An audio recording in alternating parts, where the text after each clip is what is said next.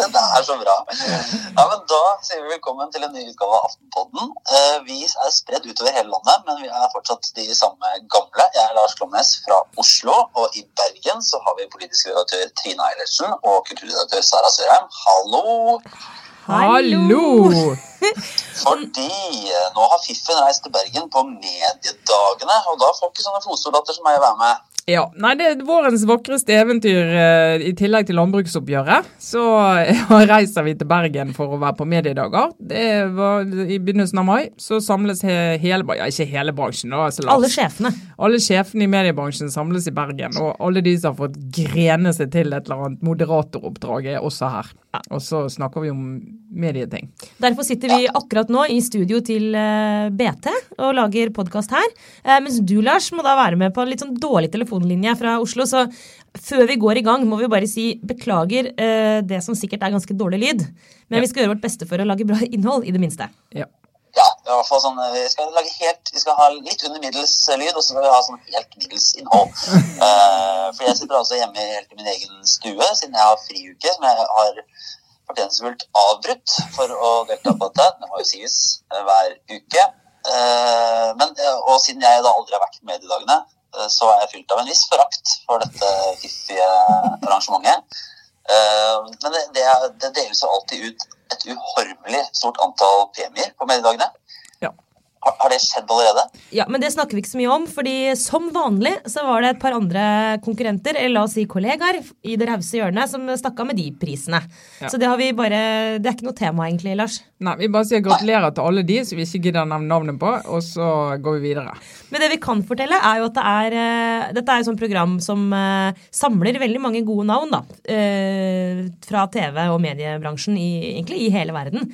Så vi har jo et mål om å gå ut og lære noe som vi kan snakke om. Men så langt har vi ikke kommet ennå, Trine. For det er jo ganske tidlig torsdag Nei, morgen. men, jeg, men jeg må få lov å, å reklamere, for det går an å se på stream. I morgen skal jeg ha en samtale som jeg sjøl er veldig spent på. Og for å si Det sånn, det er ikke pga. min egen eh, Jo, også pga. min egen eh, hva skal jeg si, prestasjon, for jeg spørs hvordan dette går. For da skal jeg samle på scenen Erna Solberg, Shabana Rehman, Terje Tvedt, forfatter av Det internasjonale gjennombruddet, og Jostein Gripsrud, medieforsker og forfatter av Allmenningen, som skal snakke om norsk offentlighet.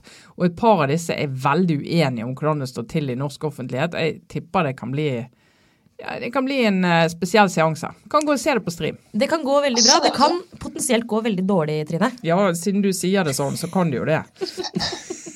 Det er et godt tema, da. Vi, men vi skal, i dag så skal vi gjennom, eh, vi skal gjennom litt eh, Vi må skal vi samle noen tråder i metoo- og Senterparti-føljetongen, den som bare går og går. Eh, Det kommer stadig noen nye kapitler også.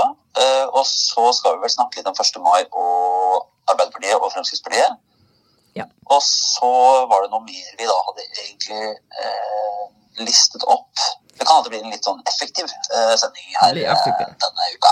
Vi kunne ha snakket om at verdens mektigste mann nå vedgår å ha betalt penger til en pornostjerne for at hun ikke skulle fortelle at de har hatt et forhold, men vi kan også la det ligge.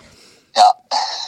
Det, det er liksom Jeg vet ikke, I noen universer så ville det vært nyheter som skulle snakkes opp og ned, men i Trump-tiden så er det litt vanskelig å bare Nei, ha det i, seg. I disse tider Men det vi kan si at vi skal snakke om, er jo en eller annen form for sex. Eller i hvert fall eh, ønske om det. Så Det kan vi jo det kan vi si at også norsk politikk har jo vært preget av. Og det er jo eh, akkurat nå Senterpartiet som er i vinden. Og det, det som er litt sykt, er at hvor mange uker nå? Er det den tredje eller er det fjerde uka hvor denne Senterparti-gate-greia liksom bare kommer tilbake og, og haunts us? Vi kan ikke la være å snakke om det, for det er saken den slutter ikke.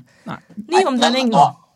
Ja, nå er det jo faktisk altså Nå begynner den, eh, akkurat den der hyttemeldingssaken. begynner jeg faktisk, og det er eh, det er ting jeg nesten ikke trodde jeg ville si. Jeg begynner å bli litt sånn eh, lei av. Ja.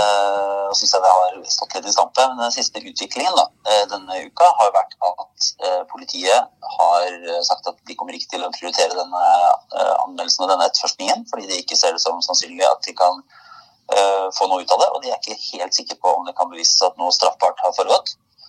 Eh, og så nå torsdag formiddag så har jo da sentralstyret i Senterpartiet Det var vel strengt tatt onsdag kveld at de hadde et telefonmøte. Men de har da beslutta at de vel gir oppdraget til generalsekretæren å håndtere dette videre. Og, og, med det så sier vi at det er egentlig fritt for de ti å tre inn igjen, eller altså Ole Borten Moe, og gå tilbake som, som nestleder. Og at det ikke kommer til å bli noen straff fra partiet sentralt. Og mest sannsynlig, ja, og mest sannsynlig også at vi faktisk ikke kommer til å få vite hvem som sendte den meldingen, med mindre en av de ti bestemmer seg for å endre strategi. Men øh, nå kommer vel den saken til å fisle ut akkurat, akkurat, altså akkurat hyttetursaken. Eh, kommer de vel ikke noe videre med, rett og slett? Nei, jeg tror ikke de kommer videre i oppklaringen av den. Men eh, det er jo i går, akkurat da politidistriktet Vest hadde sagt at denne saken kommer ikke vi til å bruke tid på, så lå jo eh, tidligere leder i Natur og Ungdom, nå Naturvernforbundet, Silje Ask Lundberg ut en melding på Facebook. Det er jo der eh, breaking news foregår eh, i metoo-verden. Eh, og fortalte at hun hadde blitt, fått en tekstmelding etter hun hadde vært i en TV-sending fra Hun nevnte ikke navn, men alt dette kom jo frem rett etterpå. Ivar Vignes, tidligere rådgiver, nå ordfører i Stjørdal, eh, og eh, nær venn tidligere i hvert fall, av Ola Borten Moe, daværende statsråd. Eh, og hun var For så vidt det med meldingen hadde de ordnet opp i, han hadde beklaget. og men det hun reagerte sterkt på, var Ola Borten Moes håndtering. Og det er jo det som gjør en sånn relativt liten sak til en litt større sak. fordi at Ola Borten Moe, nestlederen i partiet som har trådt ut nå i påvente av at de skal få en løsning på denne eh, Messenger-saken fra hytteturen, han fikk akkurat en ny sak på seg når uh, hyttetursaken så ut til å være ferdig. Som er litt sånn De ikke helt vet hvordan de skal håndtere. Så da har du liksom to saker som blir sånn hengende i luften og, og hefter ved han, da. Det som jo er liksom kjernen her òg, er at uh, altså hun, hun, beskriver vel Varsleren da, beskriver uh, Vigdenes en oppførsel som upassende. Uh, hun, hun, hevder ikke at han har gjort noe som er ulovlig eller i nærheten av et overgrep, eller sånne ting, men, men upassende oppførsel med seksuelle undertoner. sant? Men det som jo, som du var inne på, Trine, det som jo er tankevekkende, er altså at når hun da varsler dette, hun har blitt enig, De har snakket om det i ledelsen i Natur og Ungdom. blitt enige om at det er faktisk sånn at den typen oppførsel fra en i regjeringsapparatet mot en i en ungdomsorganisasjon mm. er såpass uakseptabel at det må varsles. Det, at det som skjer derfra ut, det er jo eh, veldig typisk for mange av de metoo-sakene. Fordi hun blir ikke tatt på alvor, og Borten Moe som statsråd han ringer til henne direkte. Og bare det, Hvis du er leder av en organisasjon og får en telefon fra en statsråd, det er et ganske sterkt signal. Og han ber henne, altså han sier eh, ifølge henne selv at han beklager oppførselen. Så han anerkjenner at det ikke var bra. Men han sier også at nå, er dette liksom, nå har han sagt unnskyld, kan, du, kan vi gå videre? Mm. Altså han, han legger ballen død direkte med henne. Og hun skriver at hun sitter igjen med en følelse av at hun hadde dumma seg litt ut fordi hun hadde sagt fra. Ja, Der er vi ved kjernen. Ja. Ja. kan bare et spørsmål her, for det, det, lurer jeg litt på. og Det, det, virker, jo som, det virker jo som det er veldig ryddig håndtert av, av Lundberg og, og Natur og Ungdom. da. Men i sånne saker så er det jo det ser jo litt vanskelig å vite helt hvordan sånt er. fordi dette varselet, Man ser liksom for seg i ettertid når det fortelles at et varsel er veldig formelt og veldig ryddig, og at hva man skal si, ønskene til de som varsler, er veldig helt avklart i selve varselet. Men her er det jo tatt videre av uh, her er det tatt videre av Det går liksom levert et varsel jeg vet ikke om det var, muntlig, det var muntlig ja, via en stortingsrepresentant. Og så ble det gitt da til uh, Karl Erik Skjøtt Pedersen, som var statssekretær altså, ved, ved SMK, eller hadde statsrådstittel. Uh, som så sa fra til Ola Borten Moe, som er leder for denne rådgiveren som hadde oppført seg ufint. Ja, og så ringer jo faktisk Ola Borten Moe, beklager, uh, sier også Her er det jo litt sånn tolkningsspørsmål. Og, og hvis det er sagt på, på, en måte, så kan det være veldig veldig dårlig. På en annen måte så kan det være strengt tatt helt sånn fair. Altså at beklager dette her. Uh, håper den saken er løst. Men ja. Lars, det som jeg tror... Og så ringer den vedkommende, legger seg helt flat, og så er det egentlig avklart. Men så sitter jo den som har varsla igjen med en forventning om at målet med varselet var ikke nødvendigvis å ta den personen, men å skape en bredere bevissthet. Eh, og det er jo det hun sier nå, at det har ikke skjedd. da. Ja, men dette sånn tror jeg er, det er så viktig lærdom å ta av hele den metoo, uh, hele prosessen, det er jo at det er eh, kulturendringen. Altså, det er det at man ikke tenker at det er et symptom på noe man må ta tak i. Altså, man, eh, det, det, denne hendelsen ble behandlet som en enkeltstående hendelse. sant? Eh, streit, greit nok behandla, eh, men, eh, men, så ble det liksom kvittert ut. Sånn, nå har statsråden ringt, og han som gjorde det, har sagt unnskyld. Og Skjøtten fikk satt eh, saken der den hørte hjemme. Og så er det på en måte ok, vi er ferdig med den saken. Og det er ikke sant, poenget, det metoo har vist, er jo at nei, for den saken var ikke en enkeltstående hendelse. Den var høyst sannsynlig et symptom på en ukultur. Og den er jo det man må ta tak i. Og det er jo gang på gang her, ikke bare partiene, men mange arbeidsgivere også. Men for å ta politikken òg, da. Det er her partiene har vist seg å ikke strekke til. Eh, det er her behandlingen har vært for dårlig i mange av disse sakene. Da. Eh, og det, jeg kan forstå frustrasjonen til Ola Borten Moe, for han opplevde at han har tatt tak i saken. Men, men sorry, det, det, holder ikke. Du kan ikke løse dette med en telefon. Her er litt, det er liksom det er det som begynner å gå opp for folk nå, tror jeg. da. Og så er det jo denne saken, som veldig mange av disse sakene, er jo sånn at veldig mange ledere i Norge hadde jo ment, som Ola Borten Moe gjorde den gangen, at dette var tilstrekkelig. Sånn at han, Der tror jeg ikke han skiller seg ut. Men det er liksom når, når det som var si, normalt for fem år siden, blir evaluert etter metoo-vinteren, så virker jo alt veldig puslete. Uh, og veldig spinkelt av reaksjonen. For nå er jo vi veldig sånn på alerten. Og nå jeg tror uh, mange ledere nå, hvis de bare aner ferten av noe som ligner på trakassering eller ufin omtale eller noe som helst i det landskapet der, så slår du ned, ned på det med liksom de største sleggene du har. Uh, så nå har vi sikkert pendelen svingt godt ut i, i andre enden, da. som det ofte må hvis du skal få til store endringer.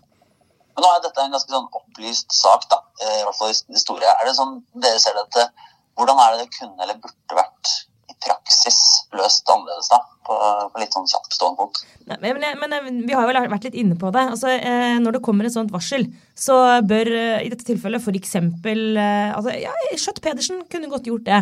Invitert flere eh, personer som har vært i kontakt med vedkommende, inn til en samtale, f.eks. Ikke sånn for å be om et varsel, men for å spørre er det, har, er det flere som har opplevd ting. Altså, litt sånn, bare litt åpne undersøkelser for å prøve å avdekke om det er en enkelthendelse, eller om det er sånn at det er flere som sitter med lignende historier da.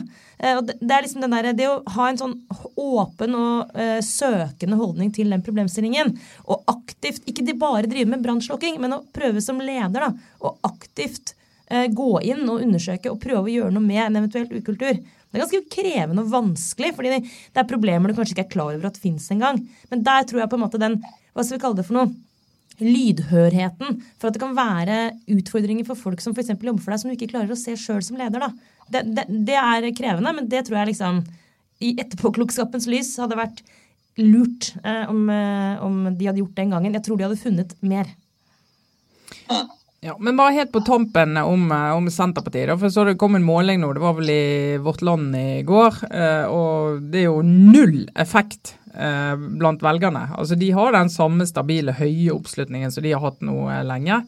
og Da kan man jo spørre seg spiller det noen rolle disse sakene. Arbeiderpartiet ble veldig straffet for det plutselig til, men Senterpartiet blir det ikke. Hva sier det om eh, velgermassen til Senterpartiet? Jeg tror ikke det sier så mye, men, men det som er faren for Senterpartiet, som alle andre partier og egentlig alle organisasjoner og, og bedrifter og alt, det er hvis du nå, hvis denne saken, hvis de drar med seg denne saken inn i det politiske arbeidet og har en konflikt og en uro over om ting er faktisk løst, at det har kommet på bordet, at du har en kultur som gjør at du kan ta tak i dette her, og da er det inni partiet det er problemer. Eh, og det til slutt så kommer jo det ut. Uh, og da det fikk så sterk effekt i Arbeiderpartiet i vinter, uh, Giske-saken, også på målingene, så har jo det med at du har en, en, en, ulmende konflikt liggende i partiet allerede, som manifesterer seg i den saken. Og i Senterpartiet har de ikke hatt det på den måten nå, etter at Liv Signe Navarsete gikk av, men du kan få det. Og det er jo faren hvis du ikke får ordentlig tydelig løst disse sakene. Og det var, eh, så Her er vi inne på sånn indirekte konsekvenser da, av, av disse metoo-sakene. I går, så her på mediet mediedagene. Ikke nok med at det er mediedager, men vi medieledere har vårt eget seminar dagen før mediedagene. Ja, Redaktørforeningen og MBL, ja. ja med, Naturlig nok en ekstra liten uh, ekstra overnatting. Ja, ekstra overnatting. Og der hadde vi i går Medieleder 2018, heter den konferansen. For å virkelig gni det inn. Men Men poenget nå... Det er ikke sånne ting å hete sånn medieleder 2025? At det liksom skal være litt sånn fremadretta? Det er veldig konkret. Jo. Men vi hadde en sesjon, vi hadde en sesjon som het eh, TV2 2020. Nettopp, ja. Ja. Men, men poenget mitt da med å nevne dette er jo at eh, eh, metoo var selvfølgelig et tema også der. Eh, og den ene varsleren i Arbeiderpartiet fra Tromsø eh, det ene varselet som eh, etter hvert også eh, Hun sto også frem med navn. Sunniva. Husker du etternavnet i farta, Trine? Nei, la oss kalle henne Sunniva. Det er, eh, jeg kommer tilbake til etternavnet når det ramler inn i hodet mitt. Men poenget er at hun eh, hadde en kronikk i eh, Aftenposten først, anonymt, hvor hun eh, fortalte om sin historie og sitt varsel. Valgte etter hvert å stå frem med fullt navn, eh, og reflekterte veldig godt i går. Hun ble intervjuet på scenen og fortalte om hvilke vurderinger hun gjorde seg rundt dette med å stå frem med navn. Eh, det handler bl.a. om å liksom ta en kule for laget eh, og gi varselet mer tyngde. Og gi de sakene mer tyngde.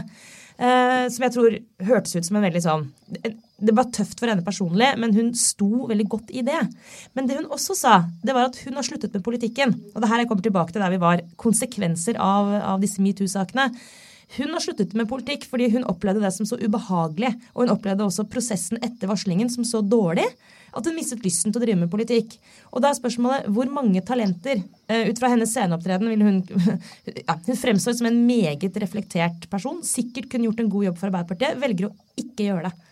Og det er jo sånne mørketall her. Hvor mange velger å ikke gå inn i politikken, eller eventuelt gå ut av den, fordi de opplever denne typen ukultur? Ikke sant? Det får vi aldri vite, men jeg sitter med en følelse av at det kan være ganske mange. Ja. Men hun, bare sånn, hun, hun ga seg i politikken etter de første hendelsene, for hun var jo allerede ute da hun varslet eh, Hun, nå om dette her, ikke sant? Eller? Ja, men det var i forbindelse med altså Det var jo en, eh, det var selve hendelsen og varselet, men det var også en prosess i etterkant som hun beskrev, som er litt det samme vi har snakket om nå. som Men det var ikke om- den nå i vinter. Nei, nei. den Altså, Nei, nei, den gangen det skjedde. Ja, ja, den gangen det Ja. skjedde. Men akkurat som, eh, som det som vi eh, har snakket om nå i Senterpartiet, så var det en opplevelse av å ikke bli tatt på alvor når du hadde levert varselet, som egentlig er på en måte det hun er mest opptatt av. Eh, at organisasjonen ikke håndterte det. Så er det det ofte dreier seg om disse sakene. sant? Det er ikke selve saken, men det er, eh, det er det som skjer etterpå. Ja, og, og det Men, eh, ja, nei, jeg har jo vært, eh, har vært borte noen dager, jeg friuke, og har vært ute på tur. Så, men det, nå, er alt på, nå er alt på stell i Arbeiderpartiet, eller? Og jeg er så glad du spør om det, for nå Ja, nemlig. Nå er alt på stell i Arbeiderpartiet. Nå er de enige om å legge ting bak seg, se fremover og vinne de store byene nok en gang i eh, høsten 2019 og få 30 eh, sant, ja. eller, eller noe der. Nei, de, de, de er jo ikke det, vet du. Nå har vi hatt 1. mai. Og da eh, tror jeg Redaksjonen er jo ikke mer original enn at det de tenkte var hen er Hadia Tajik og hen er Trond Giske. Der skal vi være. Eh, Så det gjorde vi. Vi dro og fulgte de. Eh, Veldig mange av oss. Eh, Og da var det jo å se mm, Trond Giske reise på en signingsferd i Trøndelag og holde 1. mai-taler. Jeg tror han holdt tre. Og så var jo Hadia Tajik eh, lenger nord, og sikkert holdt like mange.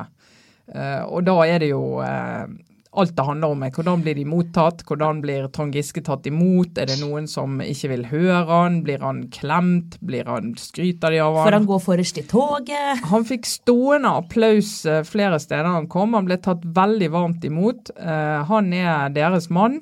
Eh, og jeg tror altså Mange i Trøndelag de satser på at Trond Giske er en del av redningen til Arbeiderpartiet. Vet du hva? Jeg, jeg, det, det, hvert ord ikke sant, han sier eh, denne dagen, blir jo tolket. Alt er lada. Det er eh, mange klar over. Ikke minst Trond Giske selv, vil jeg tro. Eh, det er ingenting fra hans munn eh, man kan regne som en tilfeldighet som kommer eh, i den settingen der. Eh, ikke, altså Han er en såpass erfaren og ekstremt dyktig kommunikator, rett og slett, at jeg, jeg bare legger til grunn at han sier gjennomtenkte ting. Men det jeg bare ikke forstår, og jeg er klar over at det må sannsynligvis fungere, men for meg, som ikke er fra Trøndelag, så er den der retorikken som han brukte 1. mai Han har, han har brukt den tidligere også nå i flere taler, som handler om sånn vi trøndere altså, eh, Han ble sitert på liksom, Er det noe vi trøndere kan, er det å reise oss igjen. Eh, appellerte som veldig til en slags sånn lokalpatriotisk liksom, ånd. Jeg, jeg synes det, er så, det er bare sånn eh, egentlig sånn irriterende retorikk. Altså, nei, det er ikke sånn 'vi trøndere reiser oss igjen'. Er, altså, jeg, ja vel, når ble det en, er det en eh, objektiv sannhet, liksom? Eh, og dessuten, hva i all verden har det med 1. mai eller politikk altså, Da ble jeg sånn Jeg ble så jævlig, unnskyld, jeg ble så irritert på sånn populistisk tøyseretorikk fra politikere som burde vite bedre. Men dette har jo med identitet å gjøre. Altså Du kommer fra et sted, fra en region. Du kunne fint reist på Vestlandet Ja, og sagt det samme. Og det, folk liker det. Du skal holde en tale, du skal oppildne folk. Du skal liksom, du skal også, du skal ikke bare treffe hjernen, du skal treffe hjertet. Da må du jo fortelle, for, snakke til oss om, om vi er i et fellesskap. Det tror jeg fungerer godt. Altså, Åpenbart må det fungere, så hadde han ikke gjort det. Altså, jeg anerkjenner det, men jeg skjønner likevel ikke Altså, han skal gjenreise tydeligvis da, Hans prosjekt nå er liksom å bidra til å gjenreise Arbeiderpartiet liksom nedenfra og opp. Eh, det eneste muligheten han har, siden han ikke lenger er eh, der oppe.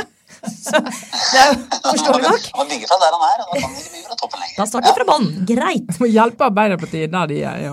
Ja. Eh, men men da, da bare, er Jeg bare syns det er rart. eh, Her eh, kommer man altså, det, det treffer nok magen til de som det skal treffe. Men å ikke da snakke om politikk, men å snakke om sånn lokalpatriotisme, det er der jeg bare Men det er jo ikke det viktigste med dette. Det viktigste er jo at han helt åpenbart fortsetter det han har begynt på. Eh, som for meg, Trine, ser ut som et, en slags gjenreisning av han som en viktig, sentral politisk spiller i Arbeiderpartiet. Ja, altså det som er interessant, hvis du sammenligner metoo-sakene i de forskjellige partiene, ta Frp, Høyre og Arbeiderpartiet. Nå, Senterpartiet har vi snakket nok om i dag, eh, og de er jo ikke ferdig. eh, Men i de tre partiene så eh, både I Frp så husker du ikke. Hva sa, hva sa du? I Frp så husker den ikke. Nei, de, de husker ingenting, og det er de enige om, så da er det bare å gå videre og ikke huske. Men altså, de hadde litt drama, de òg, særlig rundt FPU sitt eh, landsmøte, da han eh, nestlederkandidaten ble stemt rett ut. Så de har hatt sitt, eh, men de, de sitter jo nede på Stortinget nå som har hatt saker mot seg. Både Ulf Leirstein og Christian Tonning Riise. De ligger mer enn lavt i terrenget. Jeg har jo ikke sett Tonning Riise siden han kom tilbake. Eh, Trond Giske sin sak er annerledes av flere grunner. For Det første er jo at den regnes som mindre alvorlig i substansen enn de andre er. Sånn at jeg tror alle altså partiet, store deler av partiet er mye mer tilgivende overfor han enn de er for de andre i eh, henholdsvis eh, Høyre og Frp. Eh, Sånn at han, Pluss at det er en reell uro og uenighet i partiet om det var riktig at Giske skulle gå på disse sakene. Det er uenighet i om varselet egentlig var så alvorlig som de fremstår. Det er uenighet om innholdet i varselet. Og den uenigheten der er et problem for partiet. Og jeg, nå har jeg snakket med et par stykker, flere, som sier det at noe av problemet videre nå, noe av det som gjør at kløften er der, det har rett og slett også med Hadia Tajik sin rolle i denne saken å gjøre. Og noe av det de da peker på, er at hun så tidlig Dagen etter at Trond Giske var på Dagsrevyen og beklaget 21.12., så var hun ute på Facebook og skrev at hun hadde lest to av varslene, eller fått, eh, fått det gjenfortalt, eh, og at hun var opprørt som menneske og som jurist. Det var vel ikke bokstavelig talt dagen etter, men Jo, det var fredagen etter og den torsdagen han var på Dagsrevyen. ja, jeg trodde det var romjula. Ja, men det er greit. Ja. Og da, da satt hun tonen, og de som har sympati med Giske, mener at da satt hun tonen, hvor hun eh, skapte et inntrykk av at dette var veldig grove varsler. Langt inn i det ulovlige. Hun er jurist, hun kunne vurdere dette. Eh, og for en del av de så mener de at der det ødela så mye for hans mulighet til å, til å motsi en del detaljer i varselet, til å motsi varslerne. Eh, den retten alle har som hele poenget med kontradiksjon, at du skal kunne si at nei, det stemte ikke, jeg var ikke der, det kan ikke stemme, det skjedde ikke, jeg husker det ikke sånn. Altså det, det er jo en del av den diskusjonen. Eh, og det, det henger litt ved, da. Eh, og en del av den konflikten som Arbeiderpartiet tar med seg videre, at den andre nestlederen var så tydelig så tidlig. Men det er jo ikke sant, for denne saken er, eh, den er fascinerende av mange grunner. Eh, En av dem er jo også hvordan virkelighetsbildet er så diametralt forskjellig. Fordi eh, mange deler akkurat den beskrivelsen du nå ga, Trine. Samtidig som også de som eh, har sympati med varslerne, de som mener at det var riktig at Giske trakk seg, eh, som har vært kritiske til Støre fordi det tok for lang tid før han gikk opplever jo at det var Hadia Tajik som gjorde det eneste rette, som var å sette halen på grisen. Eh, fordi seksuell trakassering er faktisk ulovlig, selv om det ikke, eh, ligger, om det ikke er et seksuelt overgrep. Og det her, um, Den typen oppførsel, altså upassende eller uønsket seksuell oppmerksomhet, det, det er det er sterkt å bruke ordet jurist, men samtidig så, så man kan argumentere for at det er helt riktig. Fordi det er faktisk eh, lover som regulerer den typen oppførsel. Um, seksuell trakassering som begrep, som er et juridisk begrep, er veldig, veldig vidt. Men i praksis tenker vi jo på seksuelle overgrep. sant? Men det, det dekker også en type oppførsel som er mye mye mildere, men som, som, som er over grensen. da. Så det, det, er ikke så lett å si um, Du kan se det som at jo, Hadia uh, dømte han uh, som på en måte mye strengere enn hun burde med den meldingen. På den annen side, hadde ikke hun tatt skrevet den meldingen, hadde hun ikke lest opp varslene, hadde ikke hun tatt de på alvor, så hadde sannsynligvis Trond Giske sittet som nestleder fortsatt. Og sett fra det ståstedet kan du si at hun var den voksne som sørget for å eh, få denne prosessen inn på rett kjøl. For du kan ikke ha nestleder i et parti som har begått seksuell trakassering mot medlemmer i partiet. Men det, men det, er jo det som er dilemmaet for partiet. da. Altså Jeg mener at eh, Hadia aldri burde skrevet jurist så tidlig. Jeg mener det var å gå over, over, en grense med det hun visste da, og hun ikke visste hva hans innvendinger var. Men det er noe så. Poenget er egentlig ikke hva jeg mener om det, men det hva det har gjort med partiet. At hennes rolle har vært så sterk. Eh, og det at det er så mange rundt eh, altså av Giske-sympatisørene som er viktige for Arbeiderpartiet. og ta, altså I, Sør-Trøndelag er, er, det mange av de som ikke klarer å forsone seg med utgangen på saken. Fordi at de er opptatt av bl.a. sånne ting. Og så kan du si at eh, Jeg kan jo tenke meg at utfallet hadde blitt som det ble, uavhengig av det.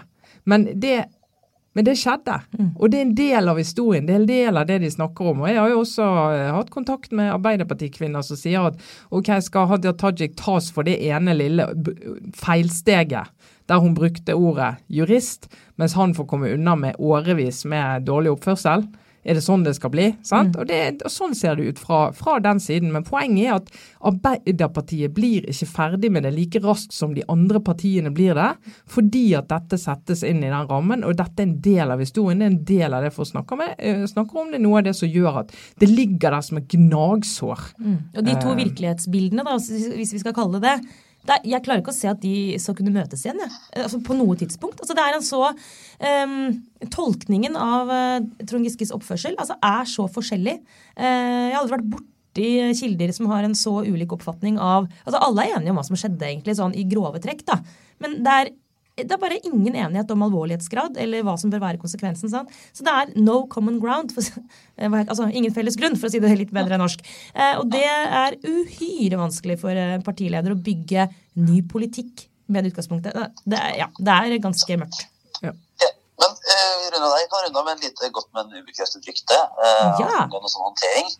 Uh, fordi jeg fikk uh, opplyst at uh, apropos hva som skjer i de ulike partiene, så da Kristian Tonje Lise hadde en litt sånn harde Han hadde jo en annen, for all del en annen saksmann med et litt annet faktagrunnlag, men da han kom tilbake til gruppe, første gruppemøte han var tilbake på, så fikk han Da var det ikke så mye sånn 'velkommen tilbake, Kristian'. Da fikk han etter jeg forstår, en ganske klar eh, felles reprimande fra Trond Helleland om at nå hadde han sviktet og eh, i hvert fall skuffet hele Høyres gruppe og partiet.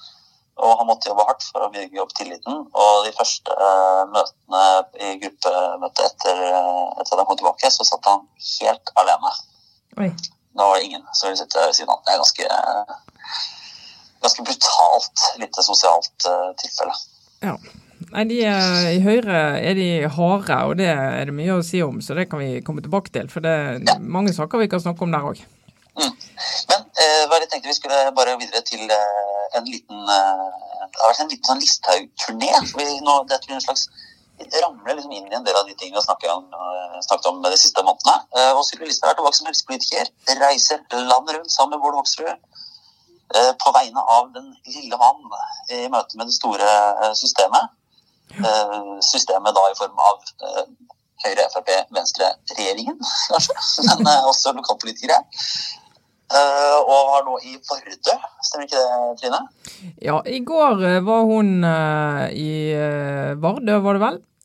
Der hun dro med Bård Hoksrud og hadde funnet en kvinne, en syk kvinne med mange problemer, som hadde en konflikt med kommunen Og da, med NRK på slep, så troppet de opp på kontoret til ordføreren uh, i kommunen og for å konfrontere han med sviket mot uh, denne kvinnen.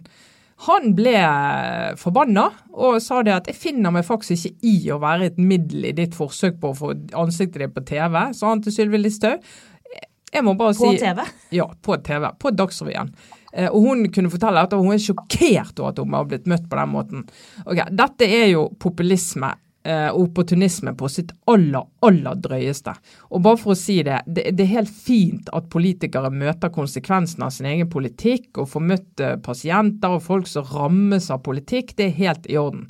Men det å komme uanmeldt på den måten der, ikke gi de en sjanse til å gi bakgrunn for en sak, eh, fortelle hva saksbehandling de har hatt, sånn uten at det filmes liksom eh, rett for åpen skjerm, eh, og faktisk gjøre sånn at den politikeren som står der kan ha et ordentlig grunnlag før de tar opp saken, det er altså så råttent gjort. Jeg synes det der er, og, og hvis det skal bli sånn, altså at Sara, nei at eh, det var slip of the tongue, for det jeg skal si nå, er at jeg holdt på å si Sarah Palin, men det er Sylvi Listhaug.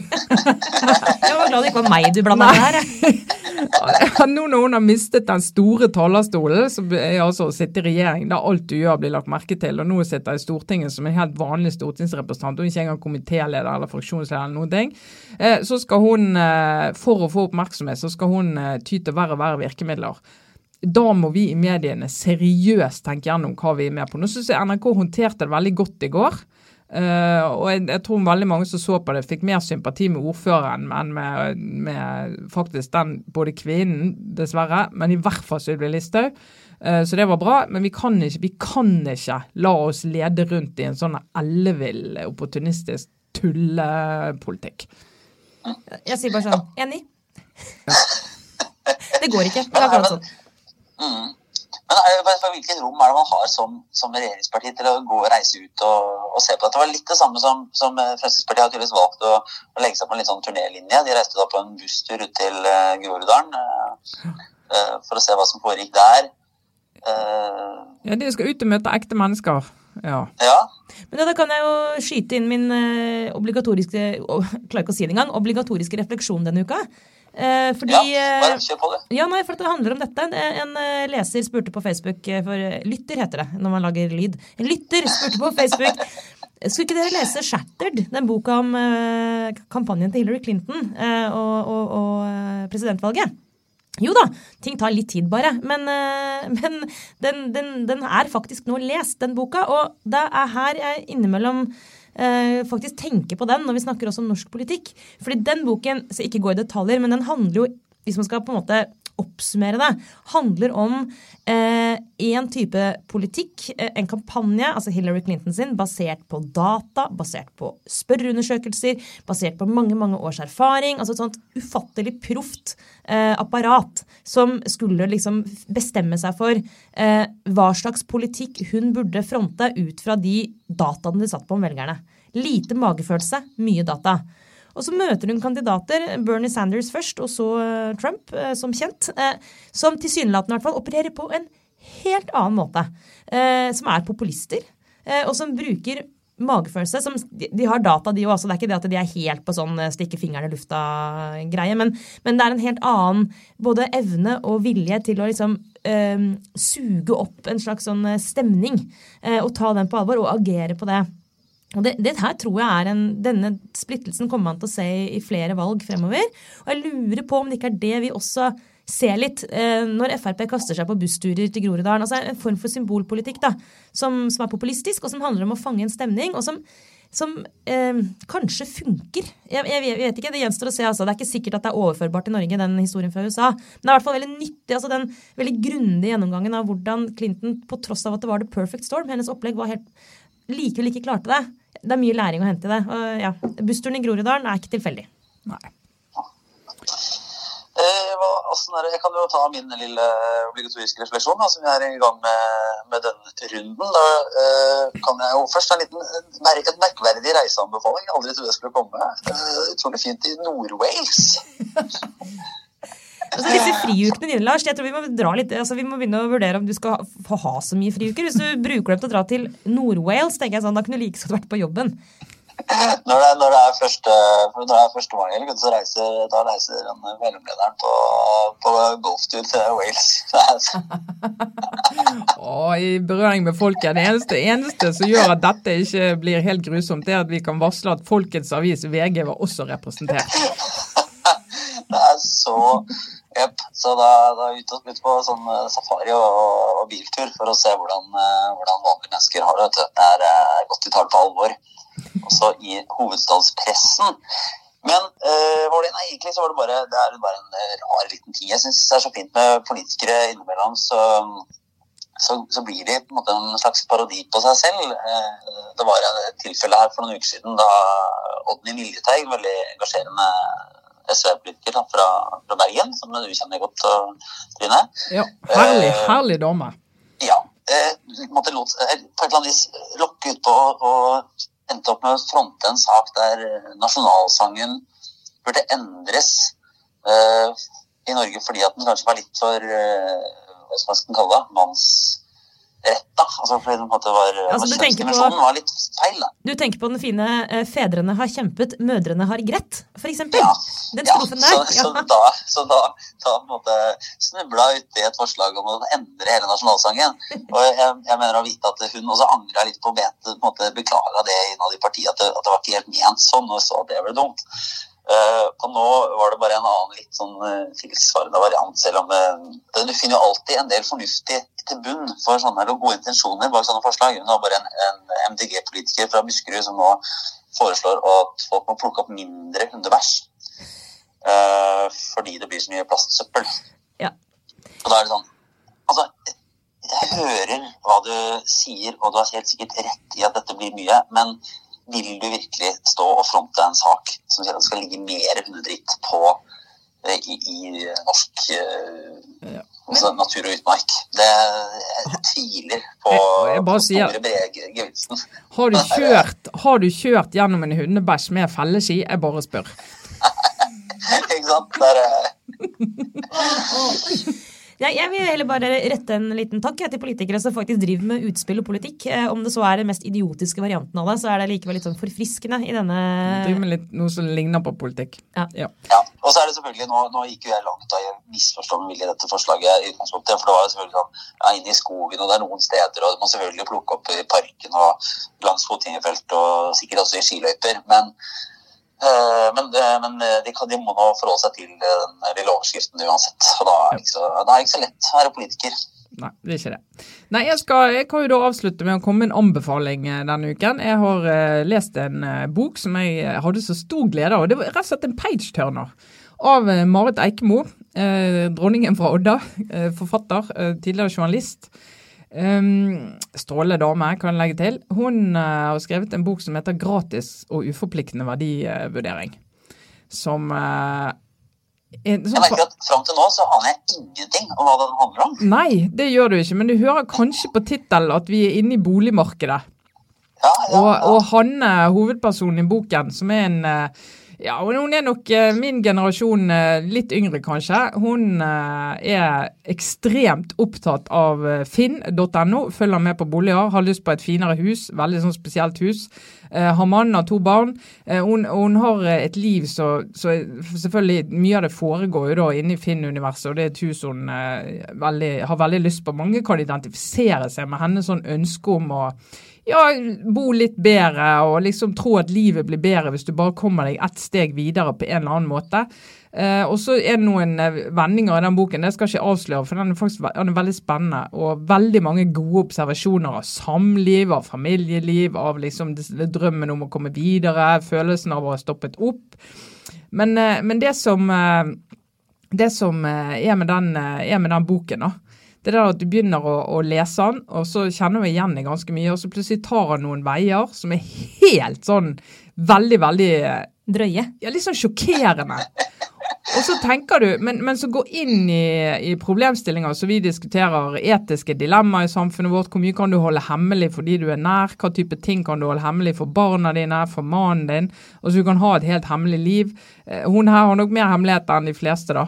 Men jeg vil, bare, jeg vil bare anbefale den boken, for det er en fantastisk samtidsroman, rett og slett. Ja, fordi Jeg har ikke lest den ennå, men Marit Eikemo har jo hun har til og med skrevet en bok til deg som heter 'Samtidsruiner'. Ja. Eh, og er en av de stemmene som klarer altså, du vet, Det er noen ting i vår kultur nå som er sånn, det er sånn endetidstegn. F.eks.